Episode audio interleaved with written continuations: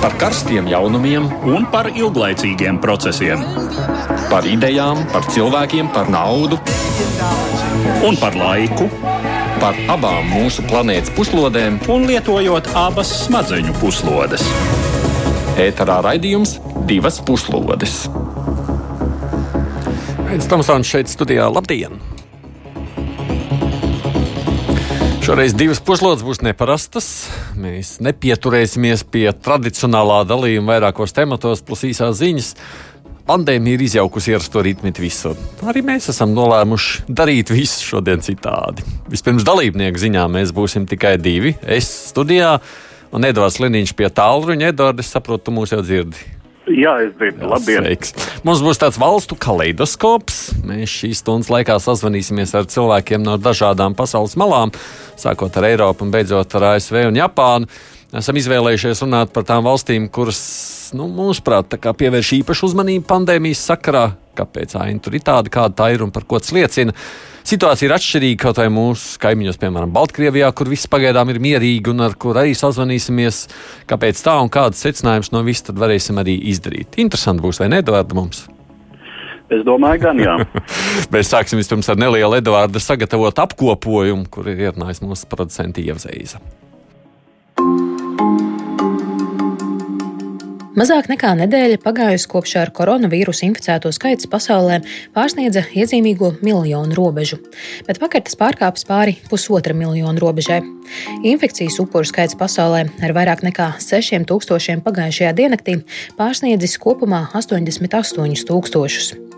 Rekordliels infekcijas nāves gadījumu skaits tika fiksēts Lielbritānijā, Beļģijā un ASV Ņujorkas štatā. Par straujāko diennakts inficēšanās gadījumu pieaugumu ziņo no Singapūras, lai gan proporcionāli šīs pilsētvalsts iedzīvotāju skaitam tas joprojām ir neliels. Trešo diennakti intensīvās terapijas palātā pavadījis ar covid-19 sasirgušais Lielbritānijas premjers Boris Džonsons. Šodien gan tiek ziņots, ka viņa veselības stāvoklis uzlabojas.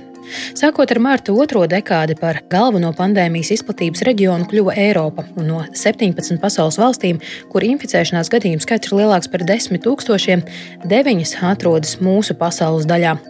Savukārt ar marta trešo dekādi notika strauja infekcijas izplatīšanās Ziemeļamerikā, un Savienotās valstis ar vairāk nekā 430 tūkstošiem inficēto ir šobrīd pandēmijas visvairāk skartā pasaules valsts. Šajā ziņā gandrīz trīskārt apsteidzot nākamo valstu šajā sarakstā sarakstā Spāniju, kur inficēto skaits pārsniedz 148 tūkstošus. Nāves gadījumu skaita ziņā joprojām vislielākā šī skumjā bilance ir Itālijā ar 17,669 apstiprinātiem gadījumiem. Itālijai seko Savienotās valsts ar 14,800 un Spānija ar 14,792 covid-19 izraisītiem nāves gadījumiem. Var pieminēt, ka saurupa pandēmijas statistikas ainā ir Vācija, kur upuru skaits, sastatot ar inficēto skaitu, ir vairākas reizes mazāks nekā citās pandēmijas skartajās Rietumēropas valstīs. Jaunu inficēšanās gadījumu skaita stabilizēšanās un pat kritums, salīdzinot ar mēneša sākumu, Spānijā, Itālijā un Francijā liek izteikt cerības, ka Eiropas valstis, kuras pandēmija piemeklē vispirms, tās izplatīšanās apagēji ir pārlaidušas. Savukārt Lielbritānijā, tāpat arī Savienotajās valstīs un Krievijā, kā lēš eksperti, šis apagējs vēl tikai gaidāms, domājams, nākamnedēļ. Kas attiecas uz Austrumāziju, tad dažādās valstīs te vērojama visai atšķirīga aina. Līdzās Ķīnai, kura pirmā piedzīvoja epidēmijas uzliesmojumu, pandēmijas visvairāk skartās reģionu valsts ir Dienvidkoreja, Malaizija un Singapūra. Pēdējās nedēļās inficēšanās gadījumu skaits stabils pieaugums vērojams arī Japānā, kura otrdien izsludināja ārkārtas stāvokli galvaspilsētā Tokijā un vairākās citās prefektūrās. Savukārt tādas reģionu valstis kā Indonēzija un Vietnama līdz šim bijušas infekcijas maz skartas. Te jau visas Eiropas valsts reaģējušas uz pandēmijas izplatību ar pārvietošanās un pulcēšanās ierobežojumiem, kas sevišķi strikti ir Itālijā, Spānijā un Francijā, samērā maigāki Vācijā, Beneluksu valstīs, Lielbritānijā, arī Centrāla Eiropā un Austrumē Eiropā. Izņēmums šai ziņā ir Zviedrija, kas aprobežējusies vien ar vidusskolu un augstskolu slēgšanu un aizliegumu pulcēties vairāk nekā 50 cilvēkiem. Arvien noteiktāk tiek prognozēta pandēmijas izraisīta ekonomiskā krīze. Bloomberg vakar novērtējis recesijas iestāšanās ticamību Savienotajās valstīs kā simtprocentīgu. Dramatiski tā situācija, vai ne? Edvards kopumā ir tāda, vai ne? Hello, Edvards! Tāda, halo? Jā, jā, dzirdu tagad jau. jā. jā, tā nu mums ir ar tiem telefonu sakariem. Jā. Lūk, protams, dramatiska un uh, nepiedzīvota līdz šim šādas pieredzes, mm. nu, katrā ziņā nesenas pieredzes cilvēcei nav. Un ar to varbūt arī ir izskaidrojams nu, lielāks mulsums, lielāks satraukums daudz vietā pasaulē. Mm, tā. Un dažādība, jā, un, protams, vai nekāda mēs redzam dažādās valstīs ar dažādu arī pieeju. Nu jā, un šobrīd īsti nu var, var jau kaut kādas spekulācijas izteikt par to, kāpēc, bet saprotams, ka tāda nopietna analīze par to būs uh, iespējama tad, kad tas vairāk vai mazāk būs pāri. Uh, tāpēc uh, nu, šobrīd, teiksim, tādi radikāli tādi dramatiski, um, kategoriski spriedumi par to, kāpēc lūk, vienā valstī ir tā vai citādi. Uh, tas ir nevietā. Nu, bet, bet nu, kaut, kādas, kaut kādas likumsakarības, kaut kādas, kaut kādas sakarības, protams, uh, mēs te arī varam Pamanāt, vērot. Nu, mēs, sāk, jā, mēs sāksim tagad sazvanu ar Āziju, ar Japānu. Īsnībā vispār Āzija bija reģions, kurš pirmais izjūta Covid trauksmi, bet nu, cerēja, ka tiks veiksmīgi galā. Vēl jau arī atceramies, Japānā ilgi nenodzīs sapnis par olimpiskajām spēlēm šovasar, bet nu, tikko kā vēl viņam nācās ieviest ārkārtas stāvokli, kas tur īsti tagad notiek, mēs esam sazvanījuši Japāni kurš runā latviešu. Tas jau pats par sevi foršs. E, es droši vien pieteikšu nepareizi. Daiki Horigutski vai Vozird. Halo! Halo! Jā, labdien! Kāda ir situācija Japānā šobrīd? Sak, šī te nu, vīrusa. Tad, sākot ar apkopojumiem un aprakstot vispārējo situāciju, tad jāsaka, ka ar katru dienu pie mums pieaug inficēto skaits. Gandrīz kopumā jau 5000 inficēti cilvēki inficējušies. Mm. Un, diemžēl liekas, ka drastiskāka situācija vēl gaidāma, diemžēl priekšā. Nākamo divu, Jā. trīs nedēļu laikā. Bet kāpēc tā? Jo it kā jau Japānā jau pirms kāda laika jau viss sākās. Kāpēc tagad tieši tik strauji? Varbūt februārī un martā mēs uh, tā atslābinājāmies, jo toreiz nebija tik daudz uh, inficētu kā šobrīd. Mm, mm. Bet jums ir Jā. kaut kāda karantīnas pasākumi bijuši līdz šim? Valdībā uh, balansē, man liekas, starp veselību un ekonomiku. Un līdz šim nepieņēma tik drastiskus uh, ierobežojumus kā citās valstīs. Tātad uh, tikai ierosinājumu veidā aicina neiet uz publiskām vietām, nedarboties atsevišķām iestādēm. Jā. Mm -hmm. Mm -hmm. Bet uh, faktiski uh, val, val, mūsu valsts atrodas karantīnā, protams. Mm. Un, tagad, un tagad ir stingrāk, paliek nu, sarežģītāk. Uh, tikai ārkārtējais stāvoklis uh, izsurināts uh, atsevišķās lielpilsētās, tā skaitā galvaspilsētā Tokijā. Bet uh, atkal te runa ir nevis par aizliegumiem, kaut kādiem aizliegumiem, bet ierosinājumiem. Un valdība pakļaujas uz uh, tautas disciplinētību, solidaritāti. Mm, mm, mm. Kā tad izskatās, cik ilgi jums tas tā varētu turpināties? Uh, tā kā es uh, strādāju pats universitātē, uh, pie mums uh, mācību gads sākās aprīlī, bet uh, semestrs uh, ir pārcelts uz maija sākumu. Un, diemžēl liekas, ka mums ir, uh, mums ir organizēta attālinātas uh, mācības mm -hmm. līdz uh, pašā semestra beigām, līdz vasaram. Oh, mm -hmm, skaidrs, jā. Paldies, Daiki! Paldies, es jums saku par šo iespēju izstāstīt mazliet situāciju, kāda ir Japānā. Eduard, nu, redz, kā ir iesāka diezgan sen jau un šķita, nu, nu gan jau tiks galā. Vēl taču ilgi cerēju uz uz šīm Olimpiskajām spēlēm vasarā? Jā, nu, protams, ka ja Olimpiskās spēles ir paredzētas, tad tā valsts, kura tās rīko, nu, negrib tik ātri atteikties no šīs idejas. Tas jau ir ļoti saprotams. Un ne jau tikai no Japānas situācijas, protams, izrietēja tas, ka Olimpiāda nevar notikt. Ir skaidrs, ka tāda cilvēku pārvietošanās pašreizējā situācijā nepieļaujami. Bet viņi vēl ļoti ilgi redz, centās paļauties, nu gan jau, gan jau kaut kā, kā viņš sacīja, redz ilgi. Domāju, ka, Nē, nu, būs jau labi. Nē, nu, teiksim, nebija varbūt arī uh, tik daudz to iemeslu. Mēs atceramies, ka uh, pirmā infekcija, kas bija nu, teiksim, ceļā uz Japānu, tika, ja tā var teikt, noķerta uz viena kruīza kuģa. Uh, kura pasažieriem tad neļāva izkāpt krastā. krastā. Mm -hmm. um, šis kuģis ļoti ilgi uh, stāvēja um, tā sacīt karantīnas režīmā, ostā. Uh, cik es saprotu, tad tagad uh, un, un ļoti ilgi arī šī uh, kuģa inficēto pasažieru statistika netika pieskaitīta valsts statistikai. Uh, tāpēc varbūt uh, arī, ja vērot tādu lēcienu Japānas statistikā, tad, eh, tad tas ir tāpēc, ka tagad, eh, tagad to skaita kopā. Eh, bet, nu, jā, protams, arī vispārējā situācija Japānā, cik var spriest, ir tomēr pasliktinājusies šai ziņā. Lai gan Japāna neizskatās, ja vērtē uz, um, sas, uz inficēto skaitu uh, pret kopējo iedzīvotāju skaitu, Japāna uh, izskatās tomēr salīdzinoši daudz labāk nekā, piemēram, Malaizija. Kur laikam mm. no visām uh, Dienvidu Austrumāzijas valstīm uh, tieši šajā ziņā Malaizija, Singapūra un arī Dienvidkoreja uh, ir tās valstis, kurās tā problēma ir salīdzinoši nopietna.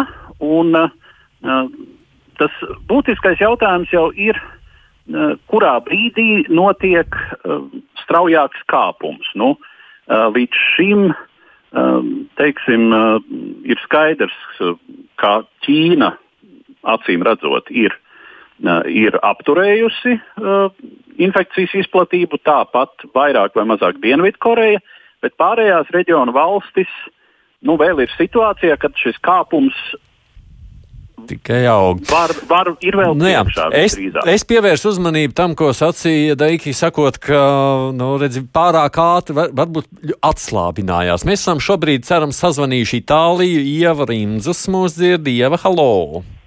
Jā, labdien! labdien. Redzi, Japāna pārāk ātri atslābinājās, un tāpēc nu, viņi šobrīd ir ievieš ārkārtas stāvokli. Itālija savukārt ļoti strauji, faktiski Eiropā pirmā uzskrēja augšā. Jums nedraud atslābināšanās pārāk liela.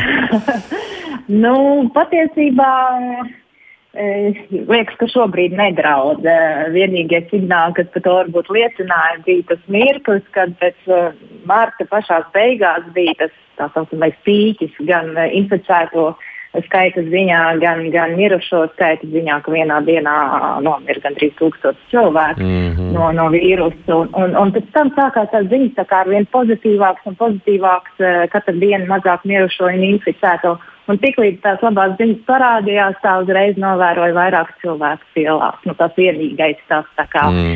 bet uh, uzreiz tika aicināti atgriezties mājās un, un, un liek apkārt nestaigāt. Un, un, bet šobrīd tas arī tiek ievērots, patiešām cilvēki sēž mājās. Nu, es pat esmu Lombardijā un šeit, cik, cik var just, eh, tomēr sēž mājās. Jā, es esmu mēnešu laikā divreiz izgājis ārā no mājas, šeit uz veikalu aizbraukt uz pārtiku nopirkt un tiešām ielas ir tukšas, laukā maskas, cimdus un, un, un neredz kustību, kustums, izējot arī ārā, izējot ārā no mājas. Bet, bet ļoti grūti vai ne šī tik ilgi sēdēt mājās un vēl nezinu, kad varēs tikt ārā. Protams, jā, ļoti tas ir nomācoši.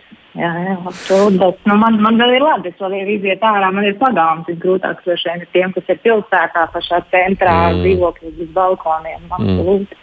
Jā, bet jums jau uh, kaut kāda gaisma tuneļa galā šobrīd rādās.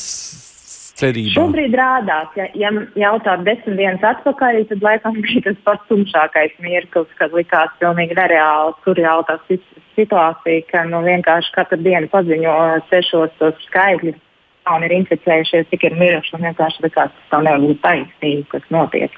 Un šobrīd tiešām iet pamazām uz leju, un, un, un katru dienu ir straujāk. Un, nu, jau ir tā, tā sajūta tomēr tāda cerīgāka. Mm. Bet nu, tīri personiski arī nu, ir bail saslimt. mm, saslimt bail vai? Nu, jā, inficēties ar koronavīrusu. Uh, jā, jo es arī pazīstu, pazīstu no paziņam šonadēļ tēvs nomira vienam tā kā tā slimība, vismaz Lombardijas reģionā ir kaut kas reāls. Man liekas, varētu būt varbūt citos reģionos, kur viņi mazāk izplatīti, varbūt kaut kas tomēr tā, nu, jā, ir, bet ne tik ļoti. Tas noteikti Lombardijā tas ir tāds, ka, nu, jūtas pilnīgi fiziski apkārt to slimību. Uh, mm. Pašai saslimt bail man, nu, es vēl salīdzinoši esmu jauna, varbūt nav, bet man vairāk bail no tās situācijas, ja šobrīd saslimtu, tad man nebūtu iespēja tik vienkārši tikt pie ārsta vai nokļūt slimnīcā. No tā man vairāk ir bail, jo slimnīcas ir pārpildītas vēl joprojām. Jā. Paldies, Ieva! Paldies par iespēju sazvanīties ar jums, izstāstīt, kāda tā situācija ir tur. Edvards, ko tu saki, klausoties šo telefonu sarunu? Nu, tas, kas ir zināms, tātad eh, par šīm Dienvidu Eiropas eh, un Dienvidu Rietumu Eiropas valstīm, kas arī ir visvairāk skartas um, no šīs pandēmijas, tad tur, jā, sākotnēji nepārprotami tas arī netika uztverts, acīm redzot, pietiekami nopietni. Pēc tam mm, ierobežojumi kļuva ļoti strikti. Un tās ir valstis, kurās uh, patiešām mm, nu, tiek kontrolēta uh, iedzīvotāju pārvietošanās. Nu, šķiet, laikam gan nav vēl ieviests tas, kas, uh, kas tika izdarīts uh, Ķīnā un Dienvidkorejā, kur cilvēkiem obligāti bija, kur cilvēku pārvietošanās tika kontrolēta ar īpašu mobilo telefonu aplikāciju palīdzību. Tātad um, mm -hmm. cilvēki tika izsekoti pēc, tā, pēc, pēc mobilā telefona signāla, kas ir, kā zināms, ļoti viegli izdarāms.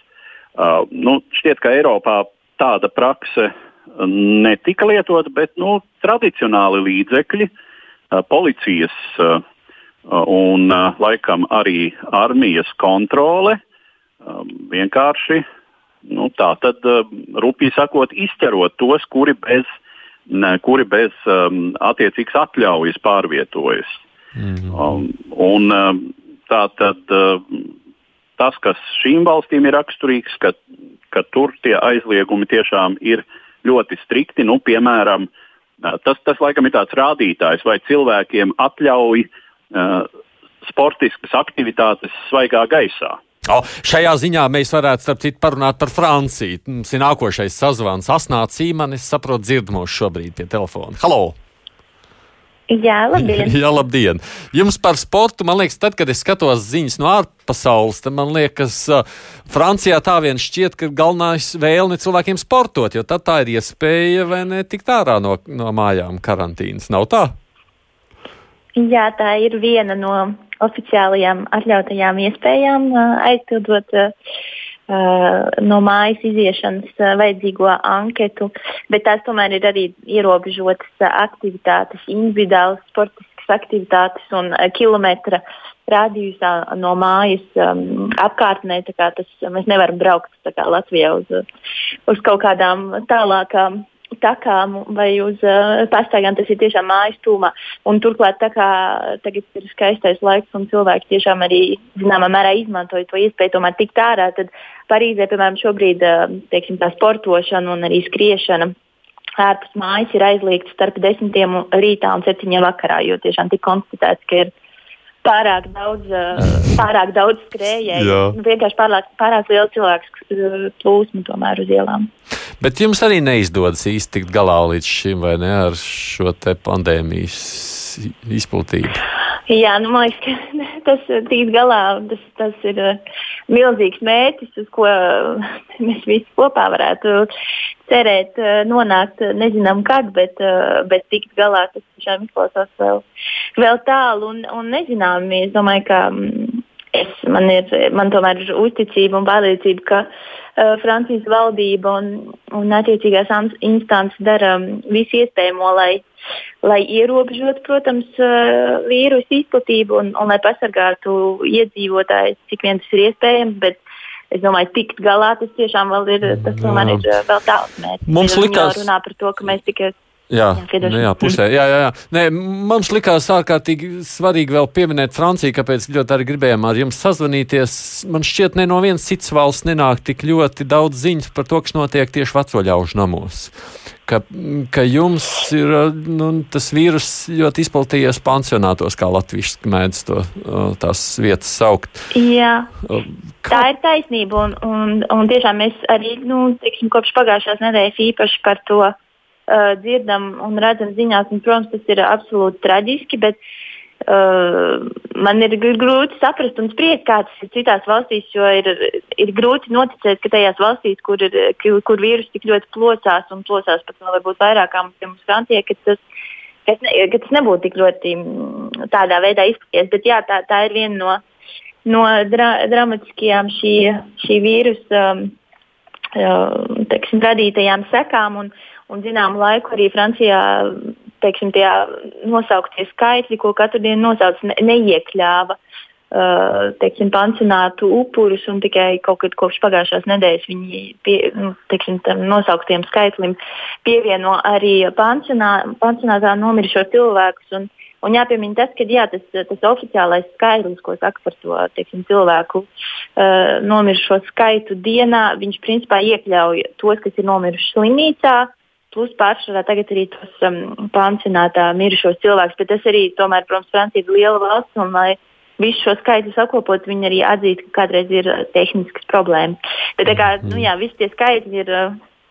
Tomēr es teiktu, kaut kādā ziņā relatīvi. Tīpaši teiksim, par to saslimušo skaitu, manuprāt, jau vispār nav vērts pievērst uzmanību. Jau nezinu, kāds ir skaits. Nezinu, kāds ir īstais. Paldies, Asnāt, Asnāt Sīman, kur mēs sazvanījām no Francijas.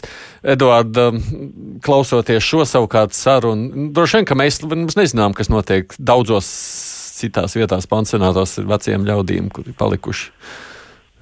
Tu domā par, um, par pasauli Latviju. arī. Atcerieties, Spānijā bija ziņa, ka tur vispār bija aizbēguši visi darbinieki un tie pansionāti, nabaga vecie cilvēki bija kaut kādā vienā pansionātā pamesti vienu pašu nomirt. Nu, jā, nu droši vien šādi gadījumi uh, ir, ir notikuši, lai gan uh, es neesmu neko lasījis par to, ka tas būtu masveidīgi noticis kādā no valstīm.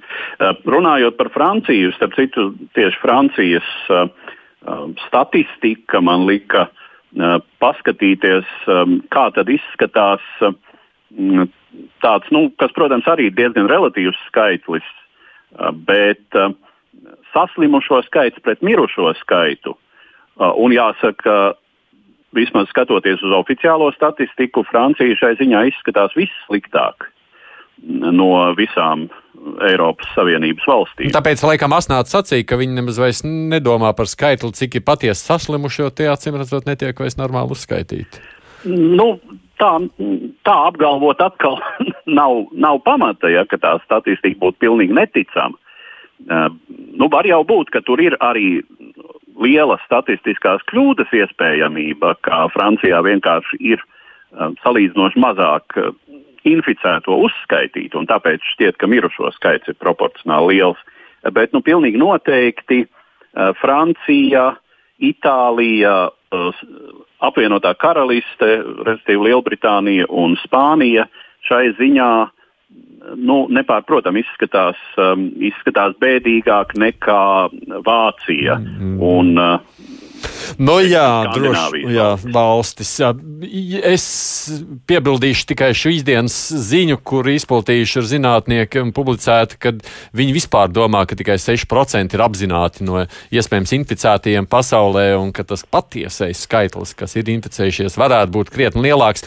Es atgādinu tikai, mēs sazvanām šajā divās puslodēs dažādas pasaules valsts, lai runātu, kāda ir tā situācija visapkārt pasaulē. Edvards Liniņš ir pie uh, klausules, un nu, Aits Tomsons studijā savukārt vispārējie mums tiek sazvanīti. Divas puslodes. Dodamies tagad pāri kanālam, nevar to saukt, bet uz Lielbritāniju, turpat netālu, kur mēs esam sazvanījuši Inesē Jugbo, kas ir jurists dzīvojoša Londonā. Inese, labdien!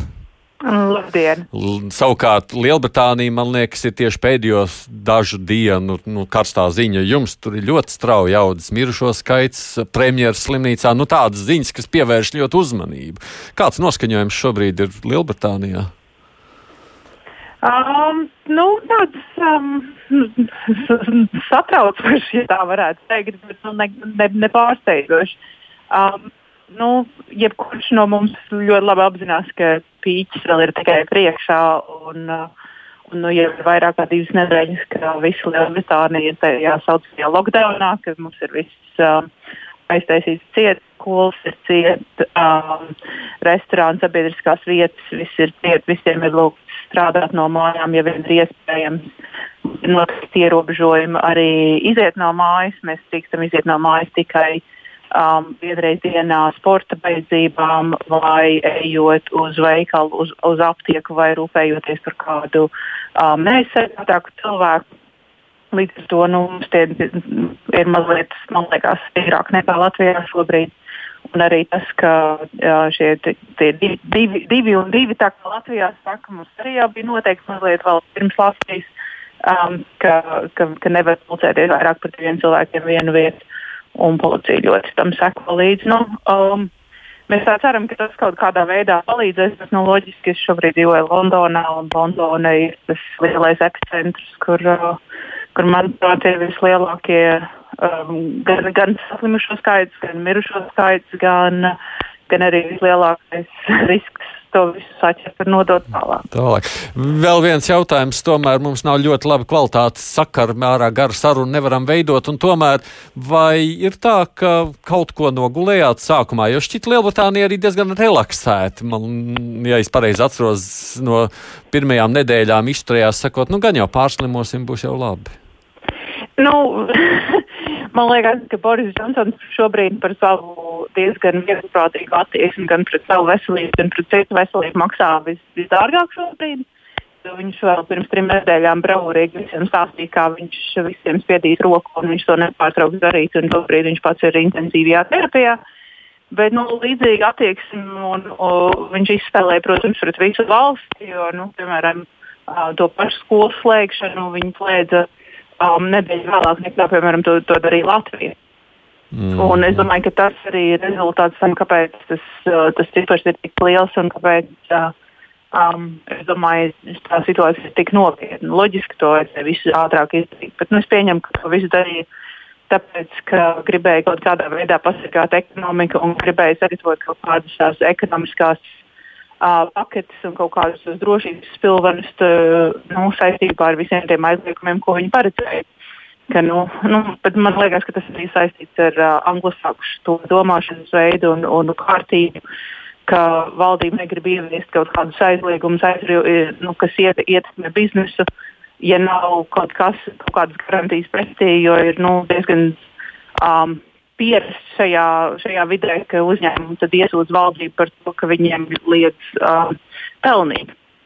Mm. Tad, man liekas, ka viņi gribēja sagatavot kādu to atbalstu un teikt, nu, mēs ierobežosim, nu, tas ir tas, ko mēs darīsim, lai jūs biznesu neciest. Nu jā, paldies, Ines. Inese Jukbo, kur mēs uzņēmām Londonā. Redz, kā uh, Edvards, kad uh, biznesa glābšana tik ļoti dārgi var izmaksāt beigās. Tas jau ir lielais jautājums, kas ir pastāvīgi dienas kārtībā kopš vīrusu sāka nozīmīgi izplatīties. Mēs taču arī, ja tu atceries pirmo raidījumu, kurā mēs vispār pieskārāmies šai tēmai, veltījām tam, kādas varētu būt ekonomiskās sekas, tajā brīdī runājot tikai par Ķīnu pamatā. Un, tas ir, protams, tas risks, un respekt, respektīvi, nē, nu, tas ir tas, ar ko uh, politikai ir visgrūtāk, acīm redzot, samierināties. Uh, un, uh, nu, šādās situācijās uh, kad ir jāpieņem. Te faktiski mēs redzam to, cik grūti uh, politiķim ir pieņemt uh, lēmumu izšķiroties starp diviem ļaunumiem. Uh, un uh, arī ar uh, apziņu, ka, ja izrādīsies, ka lēmums ir uh, pārspīlēts vienā vai otrā virzienā, tad uh, politiķis dabūs maksāt sacīt, ar, ar, savu, ar savu iespējams karjeru, bet katrā ziņā ar savu politisko kapitālu, kā mēs to saucam, jā, tātad ar vēlētāju balsīm. Dabūs maksāt jebkurā gadījumā. Klausies, gan nu, tajā, jā, jā, jā. Gan tajā gadījumā, ja uh, kāds viņam varēs pārmest, ka uh, šie soļi ir bijuši pārāk strikti un ir pārāk liels kaitējums nodarīts ekonomiskai aktivitātei gan nu, pretējā gadījumā, protams, arī. Dzīvības. Jā, nu, mēs esam sazinājušies šobrīd Amerikas Savienotās valsts, kur jau Donalds Trumps, man liekas, ilgstoši mocās ar šo izvēli šā vai tā. Mārtiņš Roze, kurš dzīvo Ņūdžersijā un strādā Ņujorkas Mount Sinai slimnīcā, man raksta, gan IT nozarē šobrīd no mājām mums ir cerams sazvanīts. Mārtiņ? Jā, labdien! Labdien! Es saprotu, jūsu pusē taču situācija arī gaužām dramatiska, vai ne? Jā, ir. Tā ir, teiksim, es domāju, paš, pašreiz viņi ir uh, kulminācijā. Tas ir uh, no vienas puses slikti, bet no otras puses, ka viņi šodien ir tas maksimālais skaits, ko sagaidīs, kad uh, aizies aizpasaulē, kas ir nenormāli. Ņujorkas pilsētā sagaida apmēram 800, kas ir ik pa divām minūtēm viens aizies. Bet uh, diezgan strauji tas, tas, tas samazināsies un pēc mēneša sagaidīt, ka vairs tā nebūs. Bet te jūs esat optimisti. Jūs esat optimisti nākotnē. Es skatoties. godīgi sakot, bijot, man nebija labs sajūta vai ne pirms šito, bet tagad es sap, visu vairāk no zinātnes saprotu, skatos un redzu galu. Laimīgā kārtā, kad mūsu ģimene visi ir veseli un tā tālāk, un tagad es varu būt optimists. Mm. Kāds vispār noskaņojums valda jūsu, nezinu, Ņujorkā vispār jūsu pusē? Nu, es domāju, mēs nevaram sagramot šo godīgi sakot. Uh, tas vienkārši nav sagramojami. Mm. Negribam ar, vai ne? Kas to no vienas puses domā, ka pasaules beigas, bet domā, jādomā pozitīvi. A, ko, zin, kā, jā, ko, kā, ko jūs sakāt? Tad, kā, kā vērtēt uh, jūsu prezidenta Donalda Trumpa nu, rīcību? Nu, tas ir vienmēr tāds degošs jautājums bet nu, viņš rīkojās pēc vajadzības. Viņš arī optimists savā ziņā, bet viņš arī negrib visu faktu redzēt, diemžēl. Jūs viņa rīcību, kā, kā, tad, kad veidā aptaujas prasa, nu, jūs atbalstāt uh, viņa rīcību, novērtējat pozitīvu, kā viņš ir reaģējis vai nē. Kā tad jūs pats personiski to novērtējat? Es teiktu pozitīvi kopumā tomēr pozitīvi. Jo, Jā. jo kāpēc pozitīvi? Jo viņš tomēr reizes dienā parādās uh, preses konferencēs, viņš uzrunā tautu un tā tālāk. Viņš neslēpjas ar to. Viņam arī labi padomdevēji, tie ārsti un tie zinātnieki. Mm -hmm, mm -hmm. Labi, paldies, Mārtiņ. Mārtiņš Roze, kur mēs sazvanījām no Ņūdžersijas. Uh, Eduards, klausoties savukārt, ma, piedod, man šoreiz tiešām interesē diezgan daudz šī politiskā sadaļa. jo tur jau tas, tas ir poli politisks jautājums, vai ne? Jo, jo lielā mērā Trumpam tas ir jautājums par to, viņš paliks vai nē. Vai ne? Jā, protams, Trumpam tas ir jautājums kā beigsies prezidenta vēlēšanas. Arī jautājums par to, vai prezidenta vēlēšanas varēs notikt tad, kad tās ir plānotas. Un, nu, to jau arī mēs runājām, ka Trumpa jājams zirdziņš bija šī ekonomikas aktivitāte Savienotajās valstīs. Un, tagad, kad šis arguments kaut arī ārēju apstākļu laupīts, nu, tā ir viņam kā politiķim ļoti liela problēma. Un ar to arī ir izskaidrojums, kāpēc viņš ļoti ilgi, tas ir viens no motīviem, kāpēc viņš ļoti ilgi nu, nevē, nevēlējās uh, redzēt uh, diezgan neizbēgamu patiesību, ka uh, šis vīrus jau ir klāts, tas ir jau valstī uh, klātesošs, ka tas tūdaļ sāks un jau sāk izplatīties.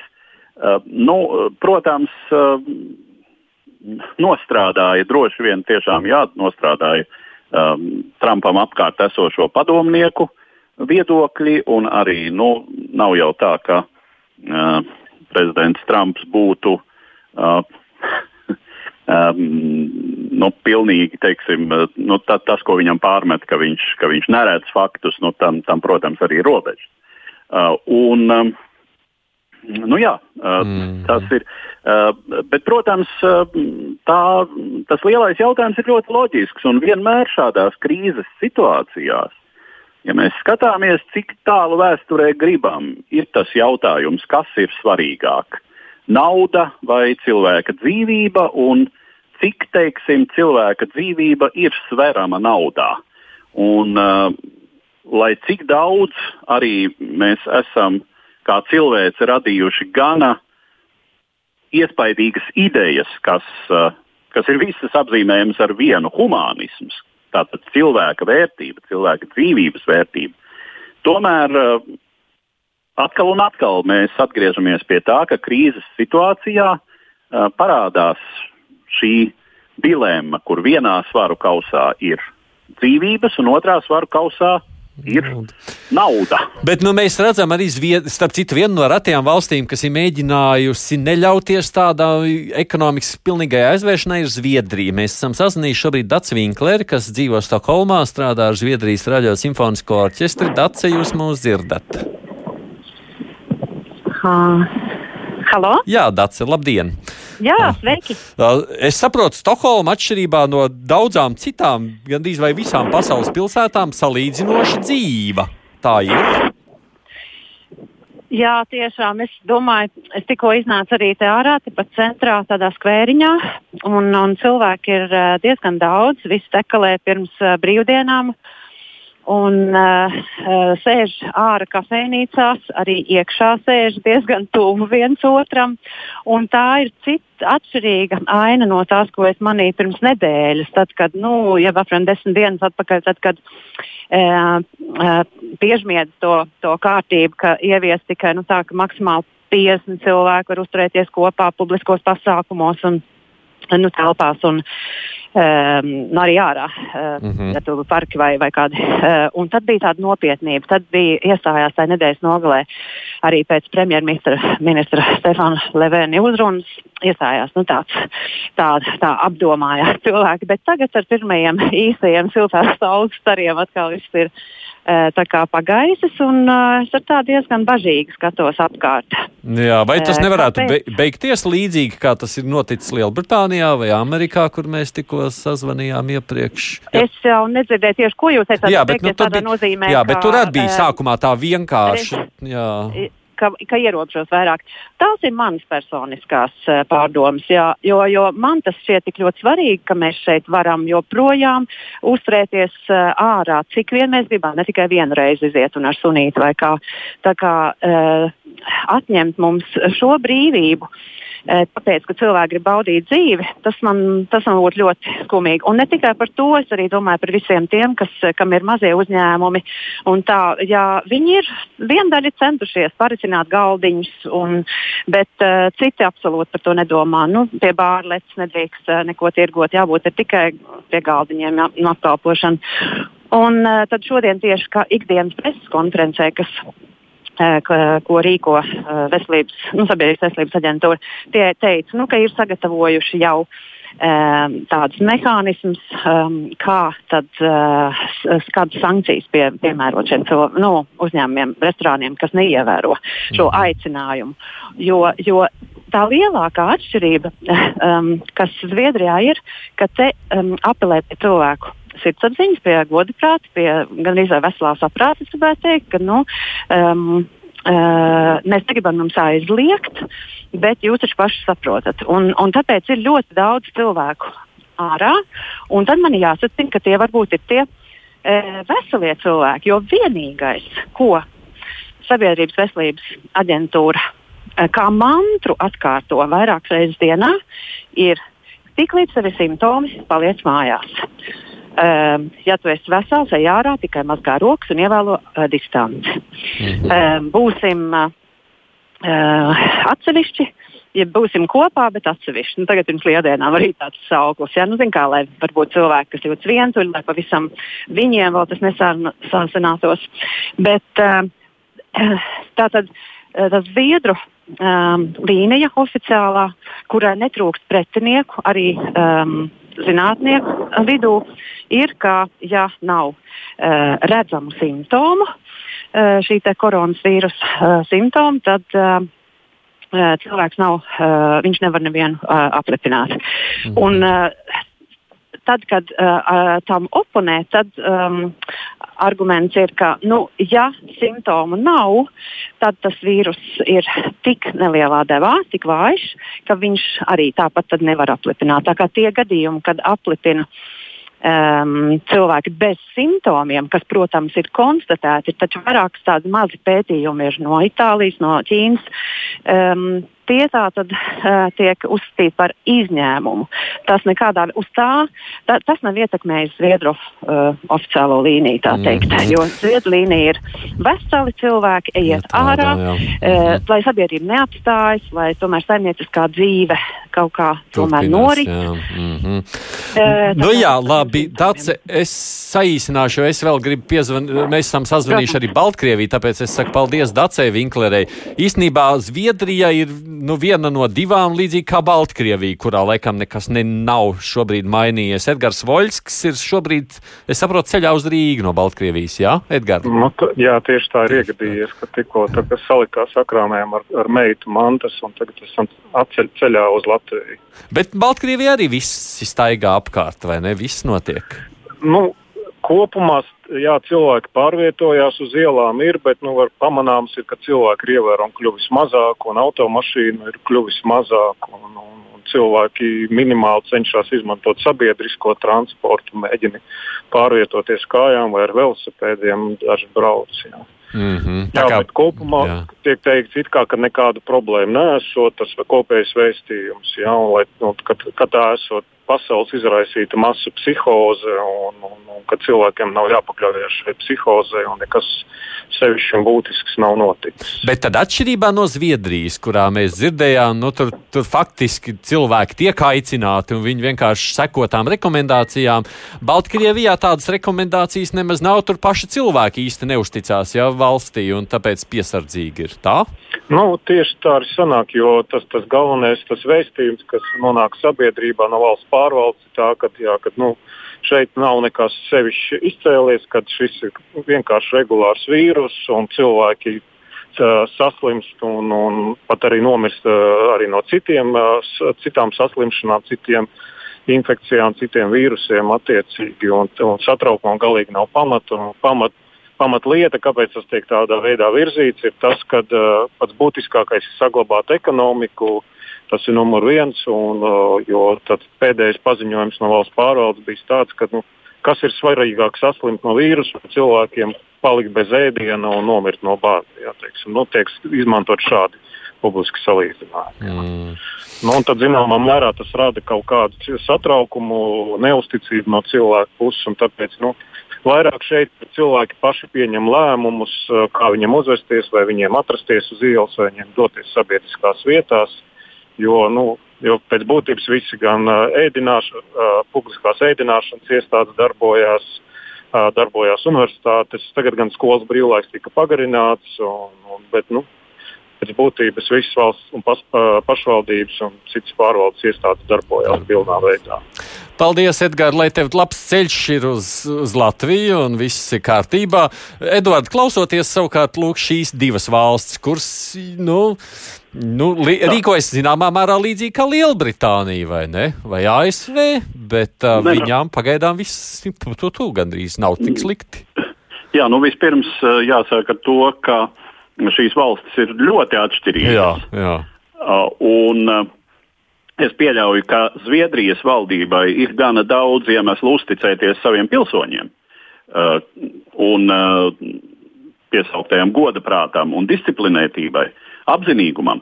Un savukārt Baltkrievijas pilsoņiem ir pietiekami daudz pamata skepsē par savas valdības uh, spriest spēju šajā gadījumā. Bet tur redzi, interesanti, ka paši Baltkrievi ir diezgan piesardzīgi, kamēr Zviedri tā diezgan brīvi vēl atļaujas pa lauku staigāt vai, vai sēdēt kafejnīcās. Nē, nu mēs jau arī Rīgā diezgan brīvi joprojām atļaujamies. Vai kafejnīca uh, ir tukšs, kā tu redzi, nav gan. Nu, kafejnīca ir patukšs, jā. Jāsaka, tukšas, jā. jā. Bet, um, Bet visu jau nosaka, protams, tās situācijas raksturs un nopietnība. Bet eh, te ir, protams, Baltkrievijas sakarā parādās vēl arī šis moments, cik var ticēt eh, tai statistikai, kuru valdība sniedz, cik var ticēt mm -hmm. līdz ar to arī tam vēstījumam, mm -hmm. kuru valdība pasniedz saviem pilsoņiem, jā, cik tas viss ir adekvāti, vai tomēr patiesā situācija nav sliktāka nekā to gribētu atzīt Baltkrievijas prezidents un, un valdība. Nu, tas, tas ir tāds moments, kas sevišķi, ja mēs salīdzinām Zviedriju un Baltkrieviju, tad nu, fundamentāla atšķirība. Ja? Gribās jau redzēt, kā tas tur beigsies. Nu, mēs jau redzēsim, kur tas liksies, vai ne? Jo tas ir tāds lielais jautājums. Britiem neizdevās, vai, vai Zviedriem, vai, vai, vai Baltkrieviem izdosies?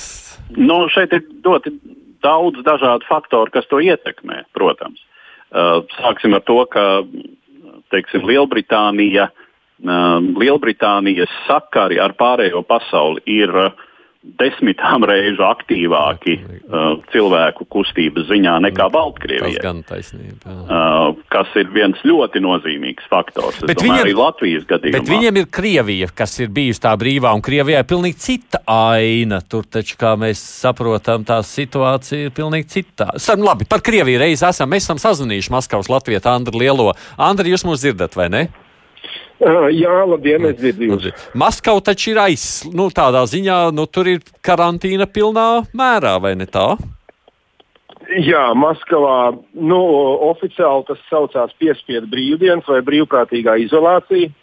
Oficiāli teiksim, ārkārtas stāvoklis nav ievests, bet nu, Pūķins trešo reizi ir griezies pie, pie tautas un pie, pie saviem ministriem un, un, un, un, un padotajiem. Un ir noteicis stingru karantīnu līdz uh, pat 30. aprīlim. Plus vēl mēs zinām, ka Krievijā līdz 10. maijam ir garās brīvdienas vienmēr. Nu, tas not, nozīmē līdz 10. maijam noteikti. Un, uh, es uh, ar, ar sievu un, un, un, un jaunāko dēlu sēžu savā dzīvoklī, arī karantīnā. Nu, un, un dēls, vecākais ar savu ģimeni, sēž Eh, savā dzīvoklī. Nu, vislielākā nērtība ir tā, ka ne, nevar satikties ar saviem mazbērniem, teiksim, nu, un, un, mm. un nevaram kopā iziet pastaigā. Bet kā jūs pats vērstu, vērtējat personiski Krievijas varas iestāžu nu, reakciju? Nu, eh, šeit var sadalīt divos jautā, divās um, daļās. Viens ir politika, un otrs ir sadzīve. Sadzīviski es vērtēju ļoti augstu to, kā Maskava reaģējot tiešām mūsu daudzstāvu jaunajā rajonā mājai tiek dezinficēta kāpņu telpa, lifti.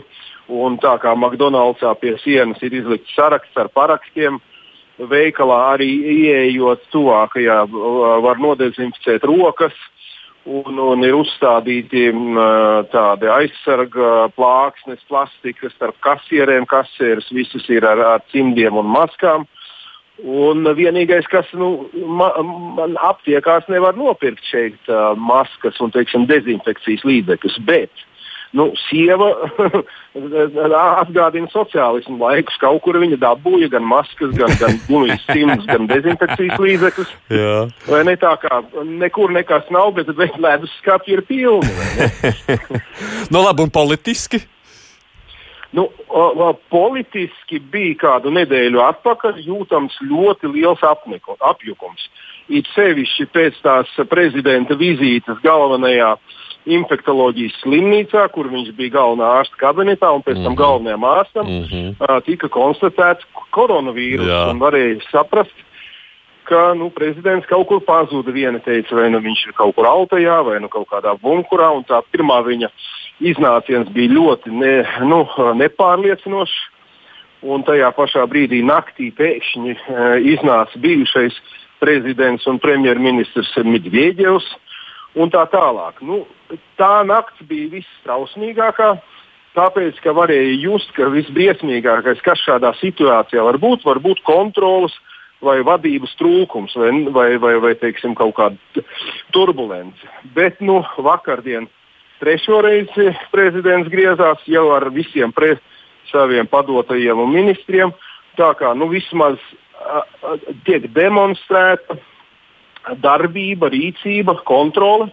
Un es gribu teikt, ka Maskavas mērs Sabjāņins, viņš vada arī teiksim, stāvu, nu, kas arī saprotams ir uh, cīņā ar koronavīrusu. Es vienkārši gribu pateikt skaitļus.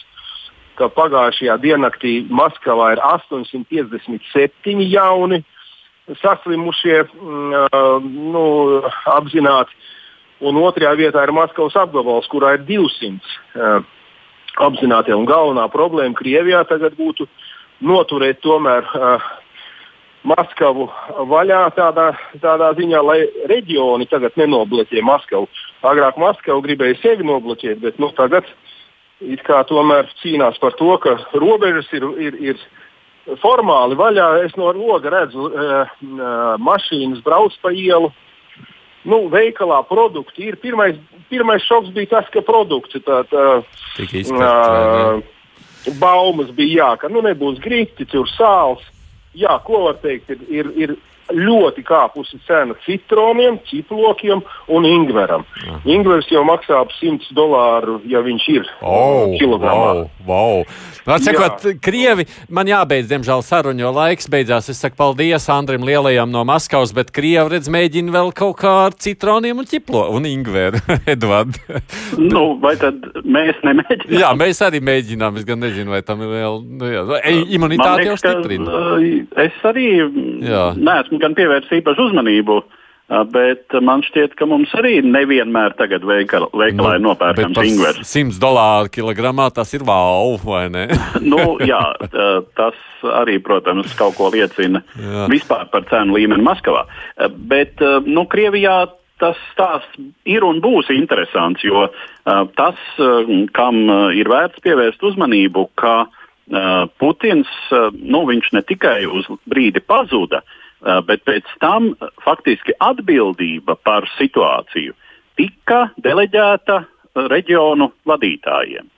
Kas līdz šim, kas ir pilnīgi pretēji tam, kas līdz šim Krievijā vienmēr ir darīts, ka ir šī varas vertikāla, ka ir varas koncentrācijas tendence.